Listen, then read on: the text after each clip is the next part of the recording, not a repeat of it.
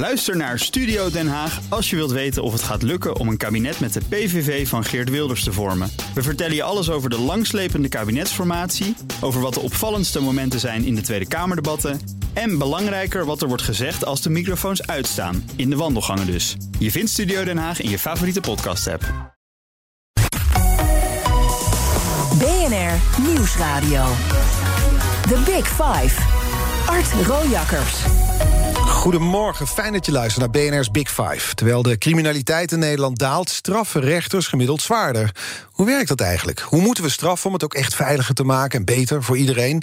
Dat onderzoeken we deze week met vijf kopstukken uit het veld... in BNR's Big Five van misdaad en straf. Met vandaag Disa Gironet bij me, officier van justitie... en schrijver van het boek Misdaad en Mededogen. Goedemorgen. Hi, goedemorgen. We beginnen hier met drie stellingen waar je met ja of nee op mag antwoorden. Komen we dan later wel op terug hoor. De eerste is: bijna elke dader is ook slachtoffer. Eens. Er zijn collega's bij het Openbaar Ministerie die mij te soft vinden. Eens. Ik neem het politici kwalijk dat ze tegen beter weten in blijven roepen om harde straffen. Um, als het tegen beter weten in inderdaad is, dan eens. Okay. Ja. Drie keer eens. Nou, eens gezin beginnen. Hè? Ja. Ja, we gaan op alles terugkomen. Wanneer wist je eigenlijk dat je officier van justitie wilde worden? Um, ik heb altijd een fascinatie gehad voor systemen en de plek van mensen daarin. Um, en ik begon eigenlijk met het internationaal recht. Uh, en, op, en ik wilde mensenrechtenadvocaat worden. Ik heb bij het Joegoslavië-tribunaal gewerkt, dus uh, meer in die hoek gezeten. En toen eigenlijk per toeval, tegen het eind van mijn studie, kreeg ik een bijbaan bij het OM. En vrij snel kreeg ik kansen om verbeteringen te kunnen maken. Vooral in de manier waarop we met de burger omgaan. Uh, en toen dacht ik, nou, dit, dit is het. Ik wil gewoon van binnen uit het systeem zelf die, die verandering kunnen brengen. Wat moest er veranderd worden in het systeem, vond je toen al? Uh, ja, dus dat was in een heel vroeg stadium. Toen werkte ik bij het deel van het OM dat, uh, waar mensen in beroep gaan tegen verkeersboetes. Ja. Um, wat ontzettend leuk was, want dan zie je de hele maatschappij. Iedereen krijgt wel eens verkeersboetes. Nou, nooit. Ik ja, nee, nee, dat geloof ik zo. Ja. Um, en um, wat grappig is, is dat maar, hun beeld van, de, van justitie of van, van de rechtspraak wordt heel erg gevormd door die interactie. Mm -hmm. dus hoe je daarin bejegend wordt, is belangrijk. Terwijl het gaat om een enorm hoeveelheid uh, verkeersboetes natuurlijk en een enorm grote hoeveelheid beroepsschriften. Dus hoe vind je de balans dan tussen zeg maar, daar snel en efficiënt mee omgaan en tegelijkertijd zorgen dat in, in de klachten waar er echt iets in zit, dat je daar inhoudelijk ook op in kan gaan en daar maatwerk in kan leveren. Nou, daar mocht ik over meedenken en iets voor bedenken. Dus dat, uh, dat vond ik heel waardevol. Ja, en dat beeld dus dat er is van het Openbaar Ministerie, als ik er van buitenaf naar kijk, dat had je waarschijnlijk ook voordat je erin stapte, voordat je het systeem van binnenuit wilde veranderen. Hoe klopt dat beeld met de praktijk nu je er al. Hoe lang werk je er nu? Twaalf jaar. Wat klopt er van het beeld dat je vooraf had met de praktijk waarin je nu werkt? Um, nou, ik denk dat een van. Ik denk dat ten eerste wat ik merk is dat veel mensen niet weten wat we doen. Uh, dus mensen hebben snel een beeld bij wat een advocaat doet of wat een rechter doet. Maar wat een officier van justitie doet, dat is, dat is op een of andere reden weten mensen dat vaak niet. Oh. Um, dus dat, dat is vaak iets wat ik moet, moet uitleggen. En misschien heeft dat ook te maken met een bepaalde afstandelijkheid die er is. Uh, die ook een reden heeft. Maar ik denk dat die, die, um, uh, die afstandelijkheid is er ook als in het systeem. En anderzijds werken er mensen erin die ontzettend betrokken en gedreven zijn voor, voor wat ze doen. Dus dat is wel een verschil. Ja, die afstandelijkheid laten we het over hebben. Want vorig najaar kwam jouw boek uit, Misdaad en Mededogen. Opvallend boek. Jij, officier van justitie, pleit erin voor een menselijker strafklimaat. Belangrijke boodschap. Uh, met alleen focussen op straf, zonder aandacht voor de mens achter de dader, help je de maatschappij niet verder. Vat ik het zo goed samen? Ja. Ja. ja. Kun je een voorbeeld geven uit de rechtszaal waarop jou duidelijk werd dat mededogen in zo'n rechtszaal, en niet alleen voor een slachtoffer, maar ook voor een dader belangrijk is? Ja, um, nou, bijvoorbeeld de, de eerste keer, uh, want het, het, vraagt iets anders van je als officier van justitie in die, die zittingszaal, als je dat verhaal van die, van die verdachte boven wil krijgen. Wij zitten daar met een dossier, we hebben het eigenlijk alleen over de bewijsmiddelen en welke straf moet komen. Dus onze taak is op papier heel beperkt. Maar het gevoel wat mij vaak bekroop was dat er zit hier een heel verhaal omheen. Dit is niet uh, zonder reden ontstaan. En ik, ik had een soort ongemak, waarom, waarom komen we daar niet bij? Dus ik begon daar een beetje zelf mee te ja, experimenteren, een beetje. Of een, daar on, op onderzoek naar uit te gaan, hoe kan ik dat anders doen? Niet alleen de feiten, maar ook het menselijke verhaal ja, vinden. precies. En in, in de eerste zaak waar, waarin ik dat uh, probeerde en, en daar een verschil in merkte, was een man die uh, zijn vrouw in elkaar had geslagen. Um, en niet zo'n beetje, echt behoorlijk behoorlijk heftig had toegetakeld. zij moest naar het ziekenhuis om weer gehecht te worden, al die dingen. En hij, had, ehm, en hij kwam op zitting. en het was op zich duidelijk wat er gebeurd was. Het stond ook voor een deel op beeld. Maar hij had geen strafblad, geen antecedenten bij de politie. Er was nooit eerder sprake geweest van agressie. Uh, en we begrepen het gewoon niet. En, en de, de rechtbank voelde een soort frustratie. En ik voelde een soort frustratie van... we willen een passende straf hierop kunnen leggen... maar als we niet begrijpen waar dit vandaan komt... is dat heel moeilijk. Um, en de rechtbank die probeerde daarachter te komen door wat provocerende vragen te stellen. Zo van ja, maar het is toch gek dat dit zo gebeurd is. En je kunt toch aan ons vertellen wat, wat er aan de hand is. En maar zo een beetje proberen om, om daarop door te drukken. Waardoor die man alleen maar verder in elkaar ging zakken en zijn schouders optrok. Um, en ik zag het gebeuren en ik dacht: oké, wat als ik nou juist achteroverleun? En ik geef hem ruimte en ik probeer in mijn stem uh, en in mijn taal meer uitnodigend te zijn um, dan uh, provocerend. Um, en het was alsof hij op slag veranderde. Dus die, die schouders zakte en hij uh, begon te huilen. Um, en toen kon hij gaan uitleggen dus dat hij als kind ook uh, mishandeld was door zijn vader structureel. Um, en dat het hem heel erg pijn had gedaan. Uh, dat zijn vrouw vreemd was gegaan. En dat hij geen andere manier had om om te gaan met de stress en het verdriet van die gebeurtenis. En daardoor is hij haar gaan slaan. En dat was zo belangrijk voor ons om dat te kunnen weten. Waardoor, want daar konden we een beter invulling aan de straf geven. Een passender straf geven. En betekent dat ook een lagere straf, een passendere straf in nee, dit geval? wat mij betreft niet. Uh, de, wat is dan passender? Nou, dus de, de straf zelf, die ziet wat mij betreft altijd op het verleden. Dus die, die, dat is, hangt gewoon samen met wat er gebeurd is. Dus we hebben met elkaar afgesproken, je slaat elkaar niet in elkaar. Daar staan deze sancties mm -hmm. op. Wat passender kan zijn, is dus dat je bijvoorbeeld ook een voorwaardelijk deel kan leggen, op kan leggen met een behandeling. Uh, en dat wordt dan uitgevoerd uh, onder andere door de reclassering, mm -hmm. um, waar, waar je, je gisteren over sprak. Um, en als wij weten wa waar de oorzaak van het probleem is, dan kan je dus beter zoeken naar, naar een voorwaarde of een behandeling die past bij wat er gebeurd is. En daarmee ook voorkomen dat het nog een keer gebeurt, misschien exact. wel. Precies. En op die manier kan je dus de vergelding die op het verleden ziet en de preventie die op de toekomst ziet, beter bij elkaar brengen. Ja, want het, het beeld is natuurlijk, ja, kijk, als je nou uh, achterover gaat hangen en begrip toont voor de dader, dat is dus soft. Je zegt al, er zijn collega's bij het OM die me te soft vinden. Dat zal een wel lager straf opleveren. Maar jij zegt nee, dat is niet zo. Nee, precies. En ik weet eigenlijk niet of er collega's zijn die me soft vinden. Niemand oh. heeft dat tegen me gezegd. Maar daar ga ik wel een beetje van uit. Oké. Okay, ja, ja. ja. Maar het is dus het is een passendere straf. Dat betekent ja. dat de dader daarmee uh, niet makkelijk wegkomt, maar beter geholpen kan worden. Ja, exact. Ja. En daarmee zijn slachtoffers dan ook beter geholpen? Dat denk ik wel. Ja, deels dus omdat je de, de preventie uh, in de toekomst, zeker als het gaat om zoiets als huiselijk geweld, waar de dader en slachtoffer bij elkaar betrokken blijven, heeft het slachtoffer natuurlijk direct baat erbij dat het, dat het gestopt wordt in de toekomst. Maar ik denk dat het voor slachtoffers op de zittingszaal ook heel belangrijk is om te horen waar het vandaan komt. Dat het dus niet uit de lucht komt vallen. Dat, dat geeft, denk ik, dat draagt ook wel bij aan herstel, denk ik. Ja ergens is het ook raar dat je er pas in de rechtszaal achterkomt dat, het, dat dit erachter zat, in dit geval, dit ja. voorbeeld. Dus dat die, die vrouw zijn eigen vrouw ging mishandelen omdat hij ja. een verleden daarin heeft. Ja, ja. Nee, dat, uh, dat uh, zou eigenlijk. Het zou fijn zijn als dat eerder uh, in de keten, zoals we dat noemen, in, in het proces gebeurde. Um, en ik denk dat dat iets is wat. Die uitnodiging moet er op elke stap -hmm. onderweg uh, aanwezig zijn. Zeg maar. Zoals je het omschrijft en zoals we nu heel kort even nalopen, klinkt het eigenlijk volstrekt logisch. Hmm. Maar toch ben jij ermee begonnen. Ja, ja, ik weet niet of ik, ik ben niet de enige. Er zijn natuurlijk meer, meer mensen die dit, uh, die dit doen. Het systeem maar zag er anders uit, grosso modo. Ja, precies. Nee, zeker. Um, ja, en dat, dat, dat klopt. Dat is inderdaad zo dat er dat um, Wat zou de, de algemene teneur... kunnen zijn? Sorry, de verklaring? Ja?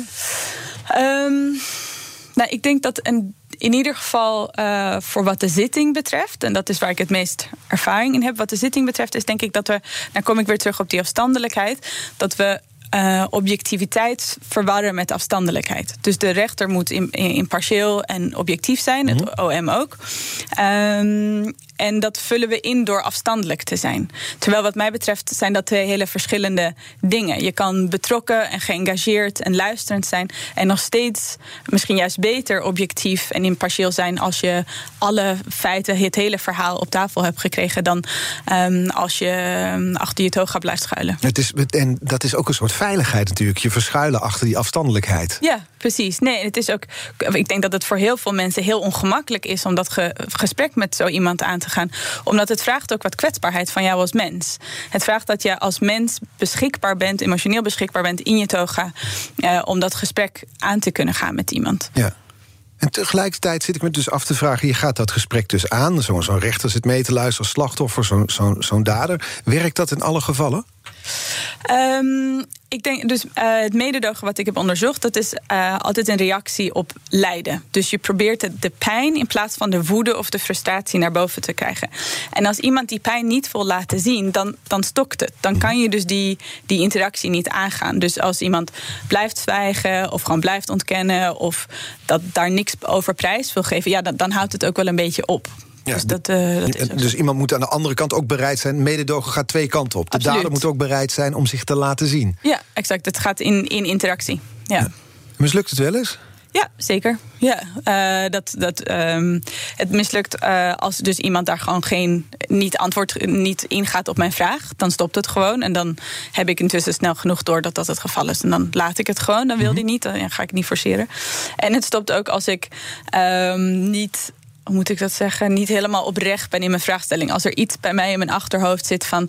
Oh, ik ga zorgen dat die gaat verklaren. Als ik een doel heb Een met. soort oordeel ook al erin hebt zitten in Ja, precies. Of een soort doel van, oh, ik wil zorgen dat hij gaat verklaren. Ik ga laten zien dat dat kan. Dan is het niet meer oprecht en dan faalt het ook vaak. The Big Five. Art Rojakkers. Deze week in de Big Five vijf kopstukken uit de wereld van misdaad en straf. Met vandaag de gast officier van justitie en schrijfster, Disa Gironet.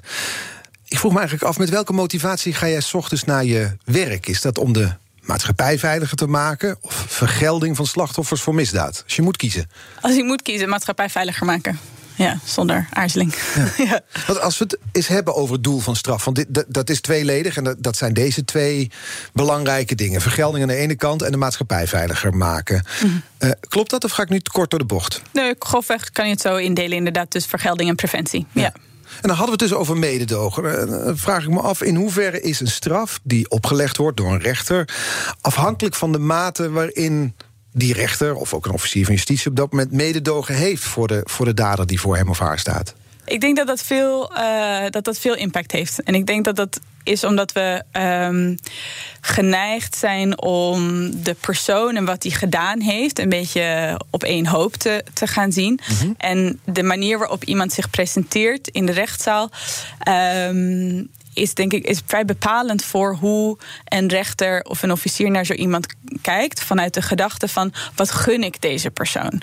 Ehm, en dat is. Hoe bedoel je dat? Ja, dus als iemand zich eh, heel veel berouw toont, goed uit kan leggen wat er gebeurd is, of heel goed wel bespraakt is, ehm, dat we eerder een soort empathie voelen voor die persoon. En dan dus eh, misschien meer geneigd zijn om hem een kans te geven of iets dergelijks, dan, eh, of een lager straf op te leggen, dan eh, als iemand stug blijft zwijgen en heel hard is en, ehm, en Het zou niet eigenlijk geen rol moeten spelen, zou je toch zeggen? Nee, het zou eigenlijk geen rol moeten spelen. En daarom vind ik dus die, die, dat onderscheid tussen waar de straf zelf en de invulling daarvan is zo belangrijk. Zeg maar die, en daarom ga ik dus ook als ik een goed gesprek heb met iemand, ga ik niet per se een lager straf eisen. Want die straf ziet dus echt op wat hij gedaan heeft in het verleden. En dat kan hij niet meer veranderen. Maar zijn gedrag in de toekomst, dat kan wel veranderen. En daar kan ik eh, mededogen mee hebben. Daar kunnen we een gesprek over hebben over wat hij nodig heeft, waar hij naartoe wil gaan. Eh, en juist dat onderscheid tussen persoon en daad is denk ik daarin ontzettend belangrijk om, om zuiver te blijven in je oordeel. Ik, zou, ik zie in één keer een gat in de markt trouwens. Je moet dus daders, of tenminste ver- verdachten, gaan coachen in hun presentatie. Ja. Want dat levert lagere straf op. Nou, dat is natuurlijk een grote taak van de advocaat vaak. Ja. Die daar. eh, die, Maar misschien ook van een radiopresentator. Er moeten wel wat uurtjes over.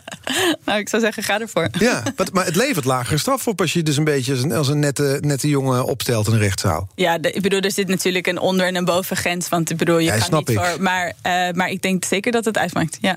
Ja. Want niets menselijk is ook een rechtervreemd. Daarom, daarom. En daarom is dus dat zelfbewustzijn en die zelfkennis van die rechter zo belangrijk. Ja. Die, die, ik vroeg niet voor niks van met welke motivatie ga je naar je werk. Een liedje kiezen. Dat is natuurlijk, ja, je moet kiezen. Je doet allebei, dat snap ik ook wel. Maar jij koos hè, de maatschappij veiliger maken of vergelding voor slachtoffers. Zeg je nee, die, de maatschappij Ja. veiliger maken. Zit er eigenlijk licht tussen die twee? Hoe bedoel je? Nou, zit er verschil tussen die twee? Maak je soms keuzes voor, nou, als ik Ja. nu dit vonnis uh, vraag, dan wordt de maatschappij er veiliger van. Terwijl als ik dit vraag, dan, dan voelen de slachtoffers meer die vergelding. Eigenlijk zou het niet hoeven. Als officier van justitie wil ik een straf kunnen eisen die en vergelding is en die aan veiligheid bijdraagt. Dat, dat zou samen moeten gaan. Maar um, helaas is het systeem nu zo ingericht dat um, als je een uh, gevangenisstraf oplegt van, vaak is dat een korte gevangenisstraf, als je die oplegt, dan raakt iemand zijn woning kwijt, hij raakt zijn zorg kwijt, hij raakt zijn inkomen kwijt in veel gevallen. Um, dat noemen we detentieschade. en dat detentieschade is dat dat dus het is niet alleen die detentie, maar alles eromheen wat je ook dus. Precies, uh, en dat staat niet in de wet. Dat is, je kan wel zeggen, ja, dat is je eigen schuld, want je had maar geen delict moeten plegen. Maar dat staat niet in de wet als straf. De straf is dat je je vrijheid tijdelijk kwijt bent. Niet dat je al je sociale voorzieningen kwijtraakt. En juist die sociale voorzieningen zijn zo belangrijk om te zorgen dat mensen niet weer de fout ingaan. Zeker als het gaat om mensen die een instabiel sociaal bestaan hebben, wat een groot deel van ons cliëntelle is. Um, en die um, bijvoorbeeld in een begeleid woontraject zitten of een uh, doorlopende zorgtraject hebben. En dat wordt dan altijd doorkruist door detentie. Alles stopt op het moment dat je binnengaat. Um, en dat zijn momenten waarin het heel ingewikkeld is. Want het kan zijn dat iemand echt iets vervelends heeft gedaan. Uh, kijk, als iemand echt iets heel ergs heeft gedaan, ja, dan is het een no-brainer. Dan krijg je gewoon alsnog die gevangenisstraf. Mm -hmm. En dan moet je maar opnieuw beginnen als je buiten komt. Maar stel iemand komt voor de zoveelste keer voor, voor een klein diefstal of uh, het gaat om iets anders waarvan de, de staf soort van oploopt. En je zegt: Oké, okay, je hebt al taakstraf gehad, nu, is het, nu krijg je dan gevangenisstraf. Um, dat je dan denkt, ja, wat, wat, dan moet ik dus kiezen. Wat weegt zwaarder? Mm -hmm. Gaat het om die vergelding en, en, en maar een steeds oplopende strafmaat omdat je, iets, omdat je het kennelijk niet leert of iets dergelijks? Um, of ga ik uh, zorgen dat je sociale bestaan zoveel mogelijk intact blijft om de kans in de toekomst te verminderen? Het is moeilijk. Ja, maar dan kies je, jij waarschijnlijk voor dat tweede. Niet altijd. Ja, dat hangt dus ook af van, van hoe vaak iemand uh, weer de fout in is gegaan. Dat hangt echt af per, geval. Maar het is wel echt een dilemma waar ik uh, ja, wekelijks mee geconfronteerd word. Ja. Gisteren was hier Johan Bak, uh, de gastdirecteur Reclassering Nederland. We hadden het met hem over die, die korte celstraf versus de, de, de werkstraf. hij zei, en daar maakt hij zich ook wel druk over... zegt ja, de, kans op recidive wat is veel groter bij een korte celstraf dan bij een werkstraf. Dat heeft bijvoorbeeld met die detentieschade te maken... waar je het nu ook over had. En toch is Driekwart van de celstraffen, zei hij, in ons land korter dan drie maanden. Ja, klopt. Het lijkt een tegenstelling, hè? Ja, en de, de vraag is dus waar laat je je door leiden? Um, gaat het over straffen we vanuit een gedachte van wat we vinden dat mensen verdienen? En dat heeft altijd de doorslag. Uh, en dan in de negatieve zin wat ze verdienen, dus je verdiende loon als het ware. Um, of kijken we meer instrumenteel naar sancties en uh, zeggen we: oké, een, straf moet ook een interventie zijn um, die je gedrag in de toekomst gaat veranderen. Ja, ik snapte niks van dit antwoord. Nu moet je nog eens toelichten. dat is goed. Um, nou, dus ik denk dat de, de reden waarom, want dat was je vraag, waar, ja. waarom leggen we die korte gevangenis? Nou, er lijkt een tegenstelling tussen te zitten. We hadden het net over ja. jouw motivatie. Waarom straf je? Om de maatschappij veiliger te maken ja. of vergelding voor slachtoffers? Jouw, jouw belangrijkste motivatie, zeg je nee, is veiliger maken van de maatschappij. Een korte celstraf opleggen, vergeleken met een werkstraf, leidt niet tot een veiliger maatschappij. Nee, precies. Maar kennelijk uh, komt het wel voort uit een vergeldende gedachte. En dat is wat ik bedoel met wat mensen verdienen. Mm -hmm. Dus als je dus zegt van oké, okay, nee, we vinden dat iemand die drie keer de fout in is gegaan, qua bijvoorbeeld kleinere delicten drie keer gepleegd heeft, dan vinden we dat hij zijn, zijn kans op een werkstraf verspeeld heeft en dus moet hij gevangenisstraf. Vind jij dat ook? Nee, ik, denk dat dat dus ook heel, heel erg afhangt per, per geval. Uh, of dat zinvol is of niet. En, en of, of dat een um, lerend effect uh, zal hebben.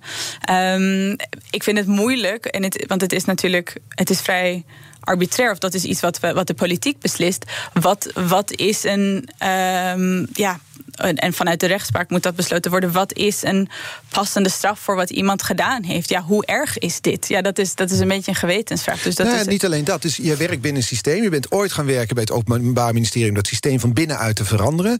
Dit is dus een systeem waarin mensen, som, nee, niet soms, waarin driekwart van de celstraffen in ons land korter dan drie maanden zijn. Ja. Terwijl aantoonbaar uit onderzoeken blijkt dat juist in voor korte straf een werkstraf leidt tot minder recidive, minder ja. herhalingsgevaar. Ja. Dan zit er hier een bevlogen officier van justitie tegenover. Maar dan denk ik, daar ga jij voor de barricade op. Ja. Nou ja, als je, dus als je als samenleving het doel meer zou verschuiven. Dus nu, nu lijkt, er dus meer gewicht in die schaal van vergelding te liggen. Maar niet Zo de samenleving, jij persoonlijk bedoel ik dan? Nee, ja, nou, dus dan, eh, en dan eh, als je dat dus meer verschuift naar die, dat preventieve, dan zou je dus inderdaad minder vaak die gevangenisstraf opleggen en vaker op zoek gaan naar mogelijkheden om gevangenis of eh, taakstraffen op te Maar leggen. dat gebeurt Of- nu niet. Nee, onvoldoende. En eh, bijvoorbeeld één reden daarvoor is dus dat, we, eh, dat in de wet staat dat je mag, eh, als je al een taakstraf hebt gehad in het afgelopen jaar, voor een vergelijkbaar type delict, dan mag je niet nog een keer alleen maar een taakstraf krijgen. Dan moet je dus onvoorwaardelijke detentie opleggen. Dus van, vanuit. En is dat vanwege die roep uit, sorry dat ik je onderbreek, Ja. maar is dat vanwege de roep uit de maatschappij om Ja. strenger straffen? Ja, dus dat is, dat is een van die uitvloeiselen daarvan. Dit bestaat al best wel lang, dat taakstrafverbod, artikel 22b. Maar, dus dat, dat, maar dat geeft mij dus als officier van justitie minder ruimte. En dat net als de, En is dat dan knarste tanden? Ja. In sommige gevallen? Ja, of dat je er eh, soms ook ehm, dus maar een hele korte gevangenisstraf... of de tijd dat iemand al in voorlopige hechtenis heeft gezeten bijvoorbeeld... dat je dat dan als onvoorwaardelijk gevangenisstraf oplegt. Want dat heeft hij toch al gezeten. En dan alsnog die werkstraf doet. Dus dat je op zoek gaat naar de mogelijkheden... Waar, waarin je dus wel in, in de zaken waarvan je zegt... nou, hier moet echt de zwaartepunt op de preventie liggen. Hij snapt wat hij gedaan heeft. Ik, heb, ik, heb voldoende, ik ben voldoende overtuigd dat, dat we op deze manier... de genoegdoening naar de samenleving kunnen waarborgen. Hier moeten we echt aan op preventie inzetten.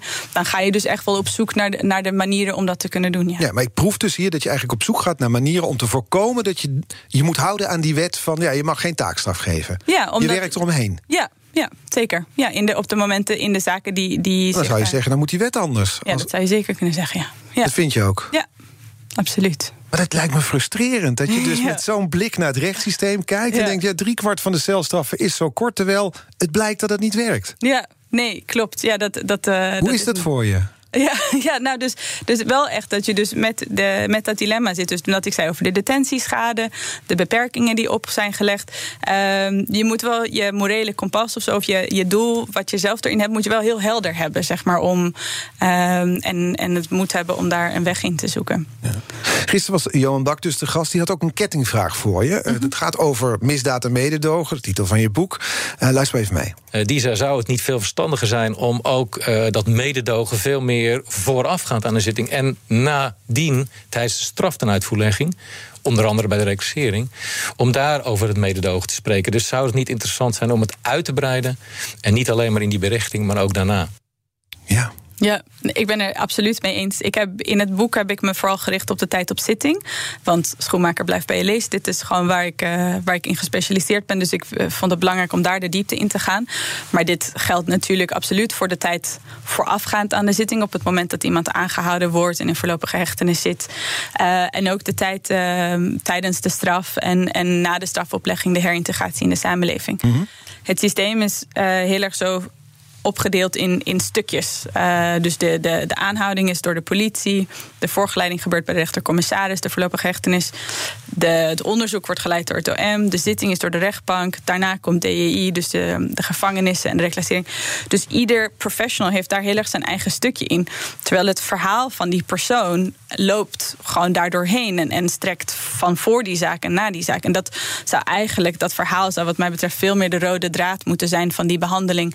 Eerder dan het do- dossieropbouw waar, waar we nu mee bezig ja. zijn. En dat moet niet allemaal losse dossiers zijn, maar het moet eigenlijk die keten moet één lang dossier vormen. Ja, precies, precies. En ik denk dat dit geldt zeker voor, voor, het straf, voor de strafrechtketen. Maar ik denk dat dit, dit is natuurlijk ook nu eigenlijk wat we terugzien in andere systemen. Zoals bij de toeslagenaffaire, bij wat er bij de IND gebeurt. Bij eh, wat er vanochtend gezegd is door de VNG ehm, over de participatiewet. Op zoveel plekken waar, waar de systemen nu vastlopen, eh, is het omdat de menselijke maat zoek is. Oké. We gaan zo verder spreken met Disa Journet. Bijvoorbeeld over de vraag op welke manier mededogen naar de dader ook slachtoffers kan helpen. We spreken er zo meteen over een BNR's Big Five van misdaad en straf.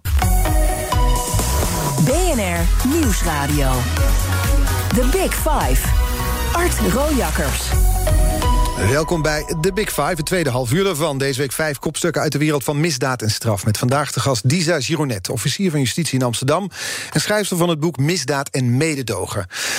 Ehm, ja, we gaan het zo hebben over waar je nou eigenlijk nou op zoek bent in een rechtszaal. Naar de, de mens achter de dader en hoe je daar, daaruit komt. Maar ik wil nog even terugkomen waar we het net over hadden. Over het straffen en de roep ook om harde straffen uit de maatschappij. Een van de stellingen in het begin was... ik neem het politici kwalijk dat ze tegen beter weten in blijven roepen om harde straffen. Je zei ja, tegen beter weten, in, ja. We hadden het over het verschil tussen korte celstraffen en, en werkstraffen. En nou ja, dat je zegt van de kans op herhaling bij werkstraffen is nou eenmaal minder groot. Stoor jij je wel eens aan die roep om strenger straffen? Ik begrijp gewoon niet zo goed waar het vandaan komt. Althans, ik heb een vermoeden. Ik denk dat het te maken heeft met een gevoel van veiligheid. Maar als we kijken naar de statistieken, dan wordt Nederland in de objectieve zin gewoon veiliger. Er wordt gewoon over het algemeen minder misdrijven gepleegd. Mhm. En de subjectieve veiligheid, dus het veiligheidsgevoel van mensen, die stijgt ook.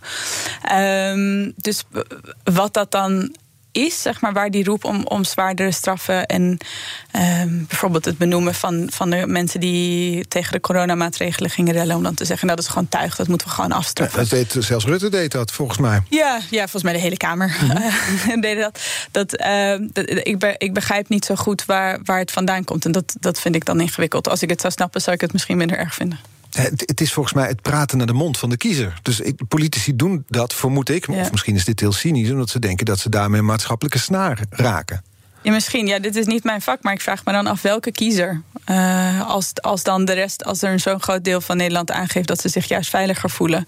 Welke kiezer is dat dan? Die dan om die zwaardere straffen roept of, of die dat. Uh, die woede daarin koestert. Ik, ik, ik, ja, ik weet het niet. Misschien is het ook mijn, mijn bubbel van mensen die dat niet hebben. Ik, Jij komt toch ook op de verjaardagsfeestjes waar die ene oom zit die zegt: Ja, maar gevangenis dat is net als een hotel. Een strenge straf viert is echt een paradijs hier.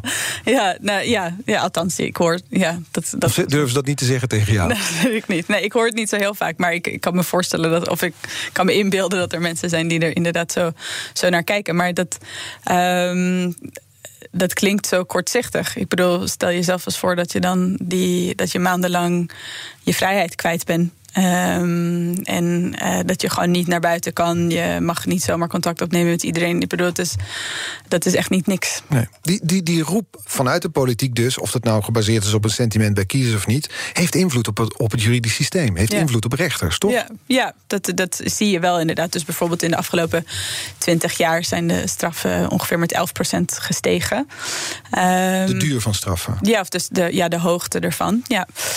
Dus de, de lengte van een werk of de duur van een gevangenisstraf, inderdaad. Um, dus en ja, ik weet niet of het verband precies onderzocht is, maar het is wel een constatering inderdaad dat het uh, blijft steken. Dus Terwijl blijkt uit onderzoeken toch, ik wil, ik wil er nog één keer voor de zekerheid checken. Blijkt dat strenger straffen, langer straffen niet per se werkt. Maakt de maatschappij niet veiliger. Ja, dus dat inderdaad. En dan, maar dan, dus als je de nadruk inderdaad legt op de, de preventieve werking en, en dus zorgen dat, dus het, dat de recidive daalt, uh, dan in die zin. Uh, werken inderdaad uh, gevangenisstraffen minder goed dan werkstraffen. Dat moet je denk ik zeggen. Ik denk niet dat dat geldt voor, per se voor de lengte van gevangenisstraffen. Dat weet ik niet. Dat maakt niet zoveel uit. Nee, dat, dat weet ik niet. Nee. Uh, dat weet ik niet wat, wat, de statistieken daarover zijn. Maar ik weet wel inderdaad dus dat, dat korte gevangenisstraffen zijn minder goed in recidive voorkomen dan werkstraffen. Ja, en wij als, wij als maatschappij vinden het fijn als mensen zwaarder gestraft worden vanuit vergeldingsoogpunt. Ja. Je hebt iets gedaan, dat is verkeerd, daar verdien je straf voor en flinke ja. ook. Ja, precies. En daar voer jij dan uit als officier van justitie? Uh, nou ja, ja het, is wel, het is wel de context waar we binnen werken. Dus dat is wel, je moet wel, je bent er wel bewust van. Uh, maar ik, wat mij betreft, ik heb ik als officier van justitie de taak om heel zuiver naar het bewijs te kijken. Goed te kijken naar jurisprudentie, dus naar, naar eerdere uitspraken. Um, en om mijn eigen moreel kompas heel zuiver te houden. Mm -hmm. uh, en om, om dus daar een soort van stil of een soort rust in te bewaken. Dat je dus niet um, daarin gaan, laat meeslepen. Uh, maar dat is, dat is een, een ingewikkelde balans, denk ik, waar je als officier je hele leven naar, of je hele werkende leven daarin blijft zoeken naar, die, naar enerzijds um, gehoor geven aan de roep die er in de maatschappij is. En anderzijds ook waar trouw blijven aan je waarden en, um, en de juridische uitgangspunten die er zijn. Mm -hmm. Er lijkt, ook zoals je het nu beschrijft, er lijkt een soort kloof te zijn. Tussen aan de ene kant zeg maar uh, de kenners, de mensen die ervan weten, de, ja. de, de, de officieren van justitie, de rechters, de advocaten, strafrechtgeleerden, en de maatschappij. Die oom op die verjaardag die zegt: Ja. Nou ja, het is een hotel, dus moeten ze strenger straffen. Ja, nee, dat kan, kan je denk ik wel zeggen. Ook gezien de mensen die hier vandaag of deze week hier komen eh, vertellen, denk ik dat je dat wel kan stellen. Ja. Dat er een soort eh, schisma zit tussen eh, wat, wat de maatschappij denkt en, en wat de ehm, kenners weten en denken. Wat zou de verklaring daarvoor zijn? Dat, dat er dus twee verschillende ja, parallele werelden bijna zijn? Ja, nou, als, het, als de roep om zwaardere straffen komt voortkomt uit een behoefte aan meer veiligheid, als die, als die eh, hypothese klopt, eh, dan zou het kunnen zijn omdat we onvoldoende. Ehm, wij dan, zeg maar de professionals, onvoldoende uitleggen ehm, wat, wat helpt om, om de maatschappij veiliger te maken. Dat we onvoldoende in staat zijn om die groep te bereiken die, die zich kennelijk zo onveilig voelt dat ze dus alleen maar om zwaardere straffen roepen. Ehm, en dan hen duidelijk kunnen maken van dit is wat we doen om te zorgen dat het veiliger wordt. En mensen Tuurlijk, het wordt als iemand veel delicten pleegt, dan wordt het natuurlijk tijdelijk veiliger op het moment dat hij opgesloten is. Maar dat is maar voor heel korte duur. En we kunnen niet mensen eindeloos opsluiten. Dus wat gaan we doen daarna? En dat we dat goed uitleggen aan mensen aan hoe dat werkt en, en waarom het werkt. Er zullen mensen zijn die zeggen: waarom kunnen die mensen eindeloos opsluiten? Als we ze van straat halen, wordt het veiliger. Ja, ja nou dat. eh, eh, laten we hopen, eng gedachte, een soort politiestaat waar je mensen gewoon zomaar eindeloos eh, kan opsluiten. Bedoel, er zullen ook mensen zijn die, die roepen om de doodstraf. En dat doen we ook niet. Ja, gewoon uit moreel oogpunt. Dat, eh, de, en de vergelding, de, de straf die opgelegd zijn, moet in verhouding staan tot wat iemand op dat moment gedaan heeft. Je kan niet straffen vanuit, zeg maar, je kan niet een straf opleggen vanuit een soort oogpunt naar de toekomst toe. Van ja, dan, dan blijft hij daar maar lekker binnen zitten. De straf zelf, de hoogte daarvan en, en, en de aard ervan, dat ziet echt alleen maar op het verleden, op wat iemand op dat moment gedaan heeft. Ja, en niet om te voorkomen dat hij later in de toekomst in de fout gaat. Je wel toch ook? Ja, maar dat is dus echt, daar moet je de eh, de, het onderscheid maken tussen het straffen zelf en de invulling van de straf. Dus de invulling van de straf, dat zou op de toekomst moeten zien. Dus wat iemand in detentie doet, wat nu heel weinig is, ehm, en eh, de manier waarop een taakstraf uitgevoerd wordt, bijvoorbeeld, dat zou veel meer op de toekomst ook gericht kunnen zijn. En ook natuurlijk de tijd na detentie, de, de uitfasering, de begeleiding door de reclassering, eh, dat moet allemaal op de toekomst zien. Maar het feit dat hoe iemand zou dat moeten dan? Dat zit op de verleden. Sorry. hoe zou je dat moeten doen dan? Die, die invulling? Want je zegt er gebeurt nu weinig in detentie. Ja, nou, het lijkt mij vrij voor de hand liggend dat als iemand de detentie ingaat. ehm, nou, dus ten eerste, dus waar we het over hadden, over die detentieschade, dat, dat, dat je dat probeert te voorkomen. Dus dat iemand en de bak in kan gaan en zijn woning en zijn inkomen behoudt. Zodat hij gewoon weer kan oppakken als hij naar buiten komt. Ehm, maar dus dat je dan ook werkt aan, eh, weet ik veel, opleiding of eh, aan dat er meer psychische zorg is, waarin iemand dus de onderliggende problematiek die, die ehm, ja, misschien de oorzaak is van het delict, dat je daaraan werkt. Maar dus dat je veel meer eh, met, de, met de oorzaken van het delict aan het werk gaat, zo om op die manier te kunnen voorkomen dat het weer gebeurt. Ja.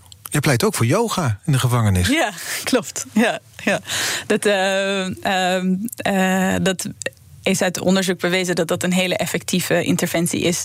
Veel van de ehm, jongens, vooral de, de jonge jongens waar, de, waar dit mee gedaan is.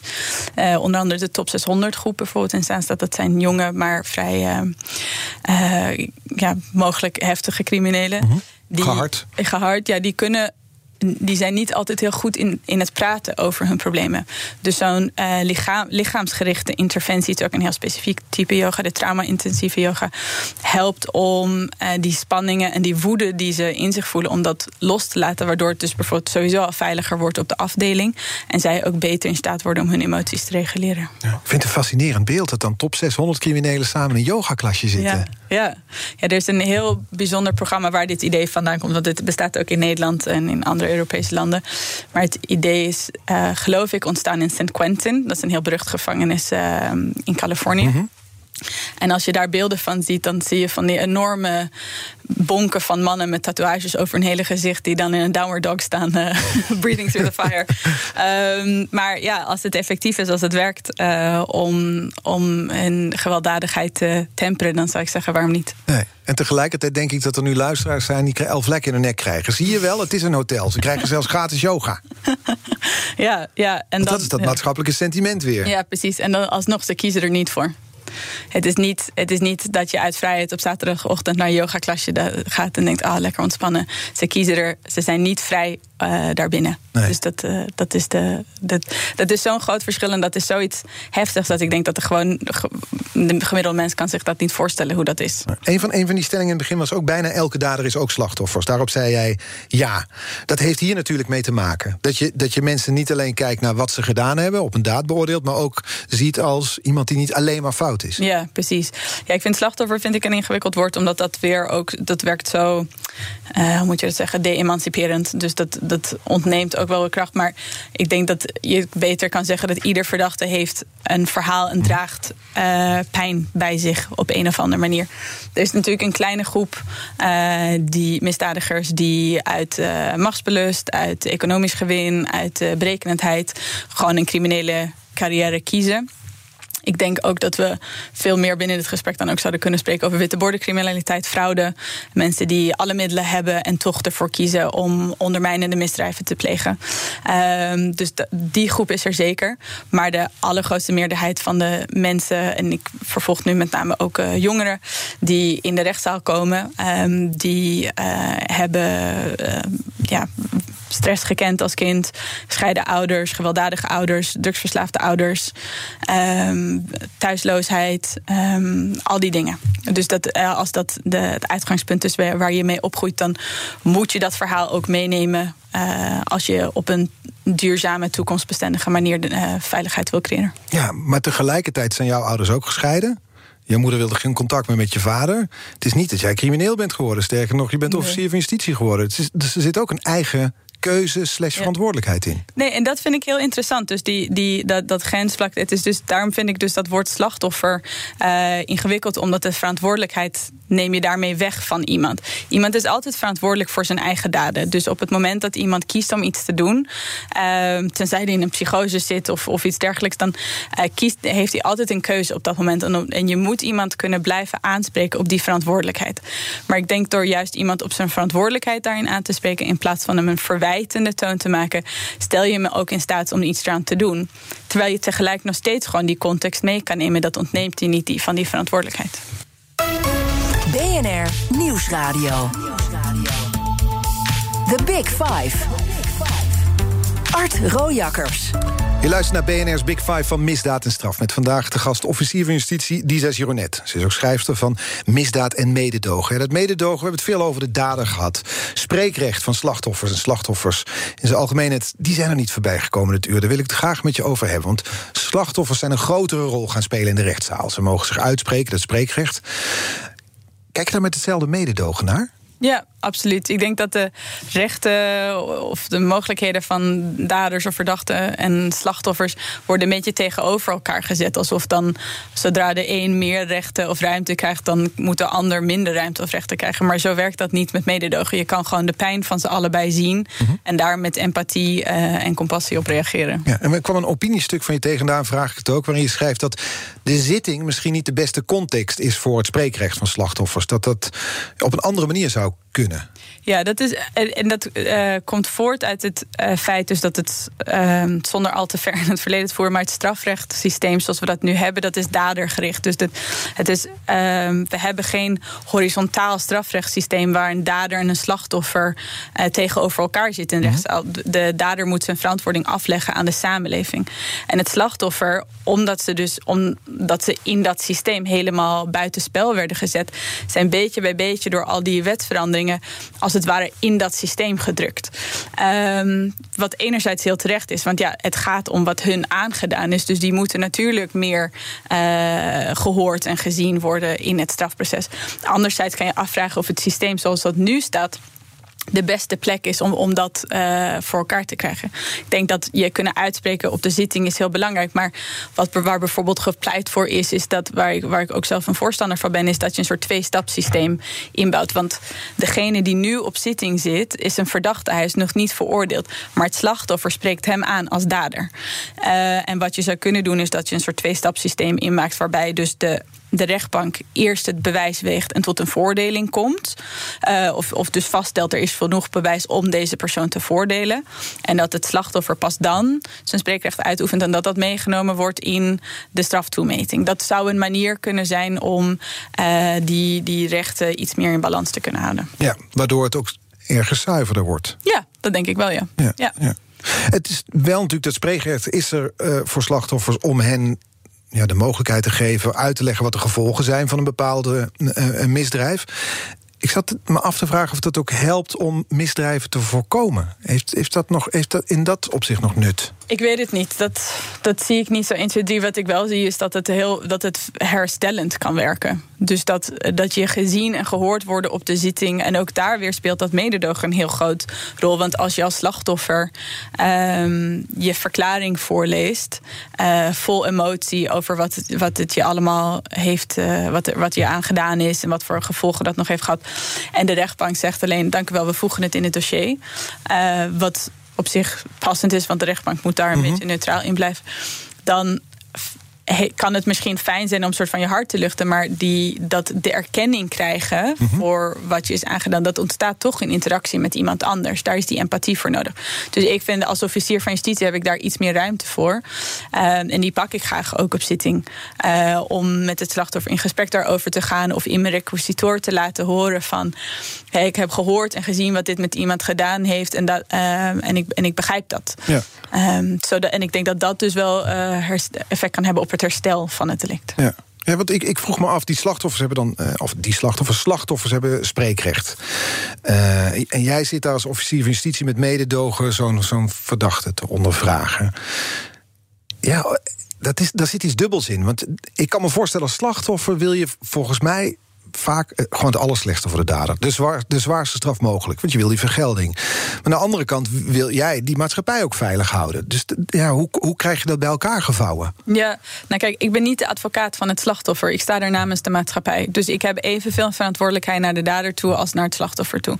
Dus dat, dat blijft zo. Ik moet ook zijn verhaal naar boven krijgen. Mm um, en eh, ik moet niet de spreekbuis zijn van de woede en de wraakzucht die een slachtoffer heel begrijpelijk uh, uh, voelt. Ik, ik moet daar, en, uh, daar voor hen staan en voor de objectiviteit staan, juist omdat zij dat niet kunnen op dat moment.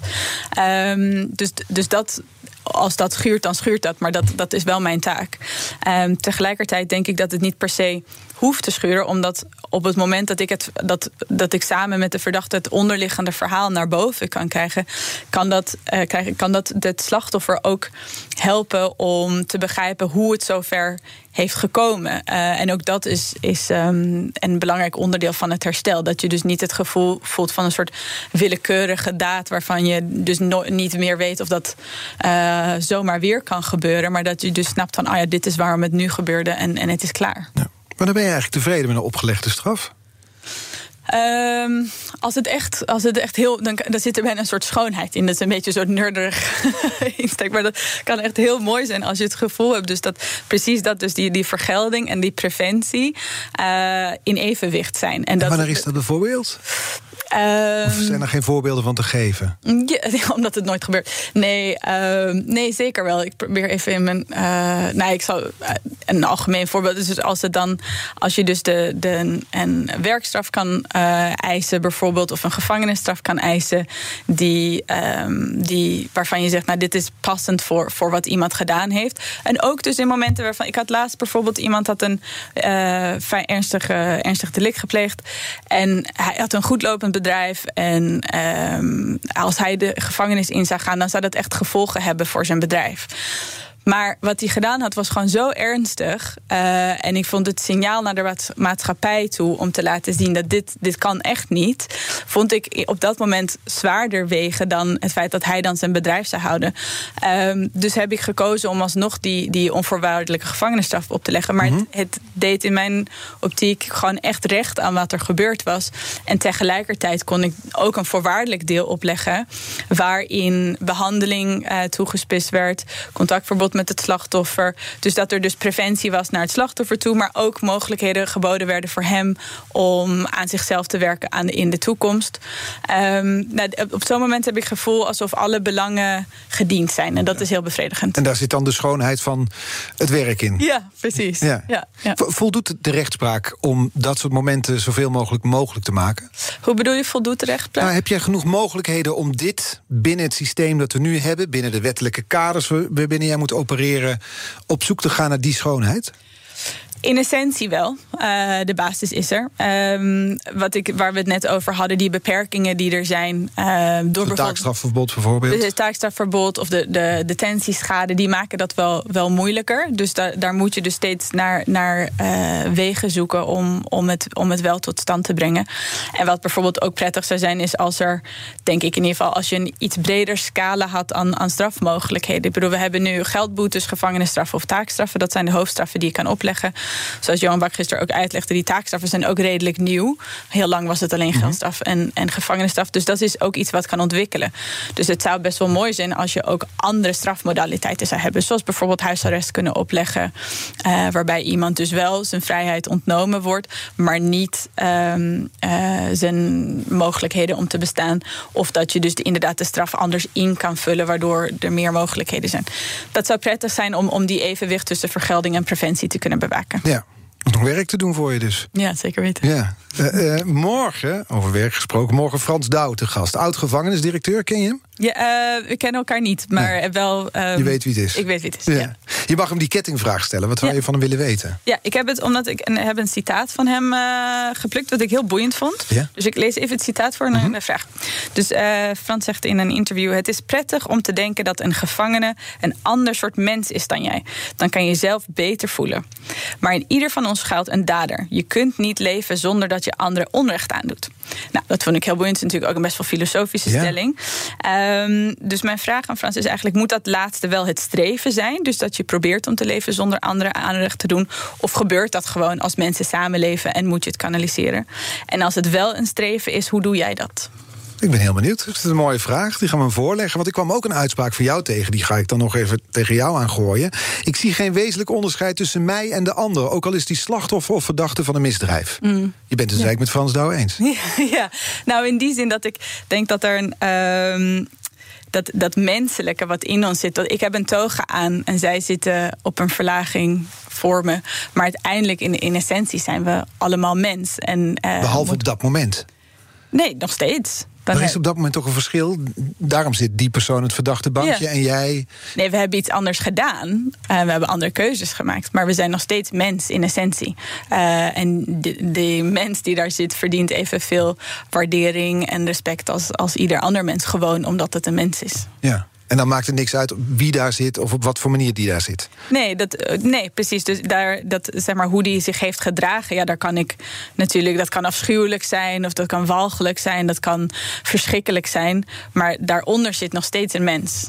Uh, en dat is denk ik waar ik steeds naar probeer naar op zoek te gaan. Van wat, wat is die mens daarachter? Wie is die mens daarachter? Ja dank voor het uh, meenemen van ons het afgelopen uur in die zoektocht van je. En naar die zoektocht naar mededogende mens in de, in de rechtszaal. Disa Gironet, dank je wel voor je komst. Dank je wel. Deze aflevering van BNR's Big Five zit in een rij van afleveringen die allemaal terug te luisteren zijn. De podcast is te vinden in de BNR-app en op bnr.nl. Nu op deze zender Ivan Verrips met BNR Breekt over de scheiding van de eeuw. Nou ja, tot morgen. Ook Harm Edens vind je in de BNR-app. Je kunt BNR Duurzaam niet alleen live luisteren in de app, maar ook terugluisteren als podcast, zoals al onze podcasts. En naast dat de BNR-app Breaking News meldt, houden we je ook op de hoogte van het laatste zakelijke nieuws. Download nu de gratis BNR-app en blijf scherp.